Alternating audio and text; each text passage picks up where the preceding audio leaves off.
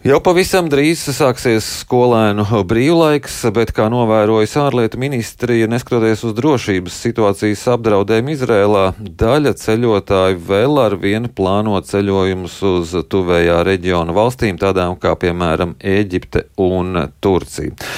Lai runātu par to, kāda ir situācija Izrēlā un cik lielā mērā tas uh, ietekmē arī šīs tuvējās valstis, uz kurām iespējams skolēni brīvdienās daudz dosies, mums tiešraidē pievienojas Latvijas vēstnieks Izrēlā Aivars Groza. Uh, labrīt! Labrīt!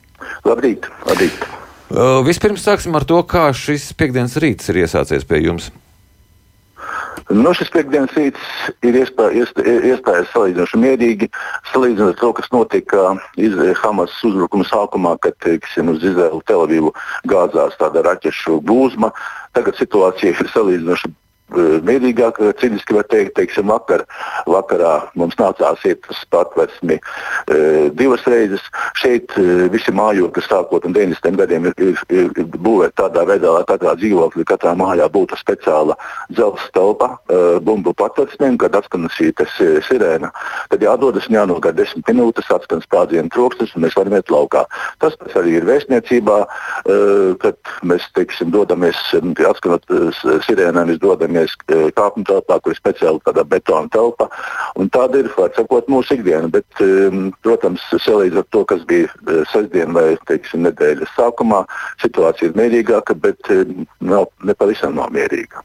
Bet tā vidēji katru dienu pāris reizes ir jādodas uz šo patvērtni vidē, katru dienu pārsēs jādod, jādod, jārodas uz, patversmi. Man pat nācies redzēt, kāda izskatās raķešu uzbrukums. Mēs braucām no Jeruzalemes uz Televīvu un te parādās pie debesīm tāds ugunīgs punkts, viņš tuvojas un pēc tam gaisā viņš izšķīst, par to nostrādā šis aerodoms, nostrādā dzelzs kupols. Uh, tā ir ikdiena, bet nu, ar to mēs arī dzīvojam.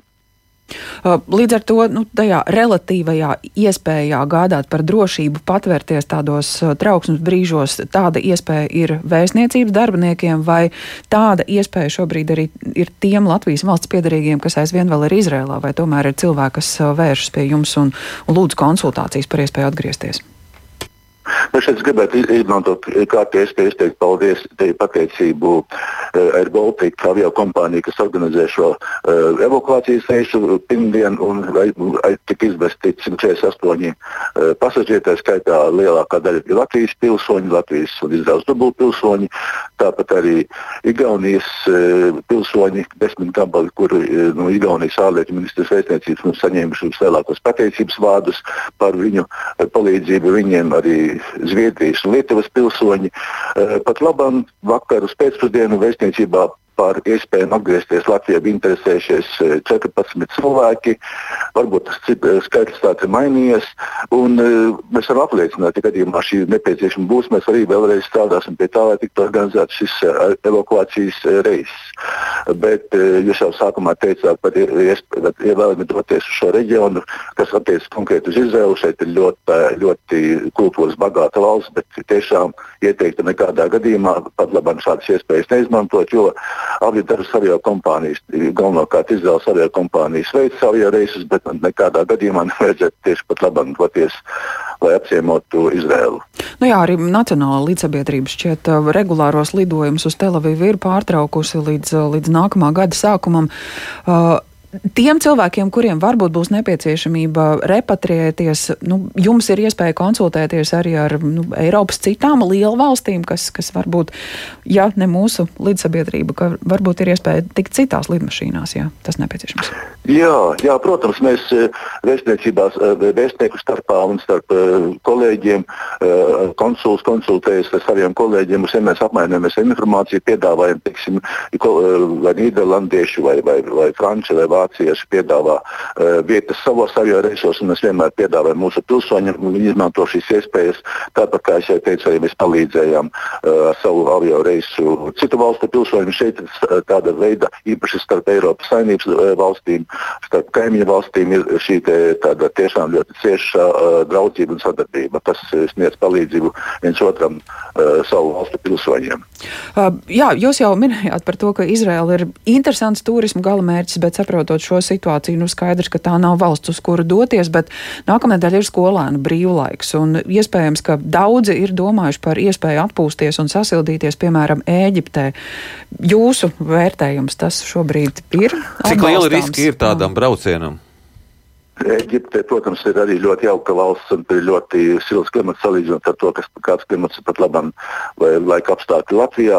Bet eh, gan vajadzētu eh, Šarmālu šeiku vai, vai Hurbeda, kas ir populāri turismu galamērķi, varētu būt tiešām attraktīva vieta, kur uh, sasildīties, bet varbūt arī vajadzētu izvērtēt iespējas, jo Eģipte robežojas ar gazas sektoru un tiešām gazas sektoru pat labam uh, koncentrējas visas pasaules uzmanība, jo kuru katru brīdi Izraels uh, vienoties spēki sākt e, sauszemes operāciju, e, kuru katru brīdi varētu teiksim, e, Eģiptes te, teritorija ieplūst bēgļu straumi no šī gazas sektora. Tāpēc tā, protams, ir katra cilvēka individuāla izvēle, bet arī Eģiptes apmeklējumu vajadzētu uh, aizvietot ar kādu citu, varbūt uh, tikpat siltu valsti, bet arī Eģipte, Eģipte nevajadzētu būt par uh, ceļojumu mērķi šajās dienās. Tad tas lielākais risks būtu situācijā, ja sāktos šī sauszemes operācija, tad nav prognozējams, kā, kā tuvējā reģionā situācija mainītos ja sāktos, sāksies vai sāktos sauszemes operācija, kas tiešām nav prognozējams. Vēl nav prognozējams arī situācija, kas ir tālāk no Eģiptes, ir Izraels ziemeļos, kur ir Libāna, kur ir, ir dislocēta Hezbollah teroristiska organizācija, kas arī pat, pat labāk katru dienu uh, kāds 30 raķetes izšaujas Izraels teritoriju, gan ne uz Telavivas, bet apmēram tuvākajos ziemeļrajonos. Tāda sauszemes operācija, bēgļi, uh, humanitārā katastrofa, kas var atstāt iespēju arī uz visu Eģipti, kas nepieder pie pasaules bagātākajām eh, valstīm, un, eh, un vienkārši turisma brauciens būtu jāceļ arī uz Eģipti mm -hmm. šajā gadījumā.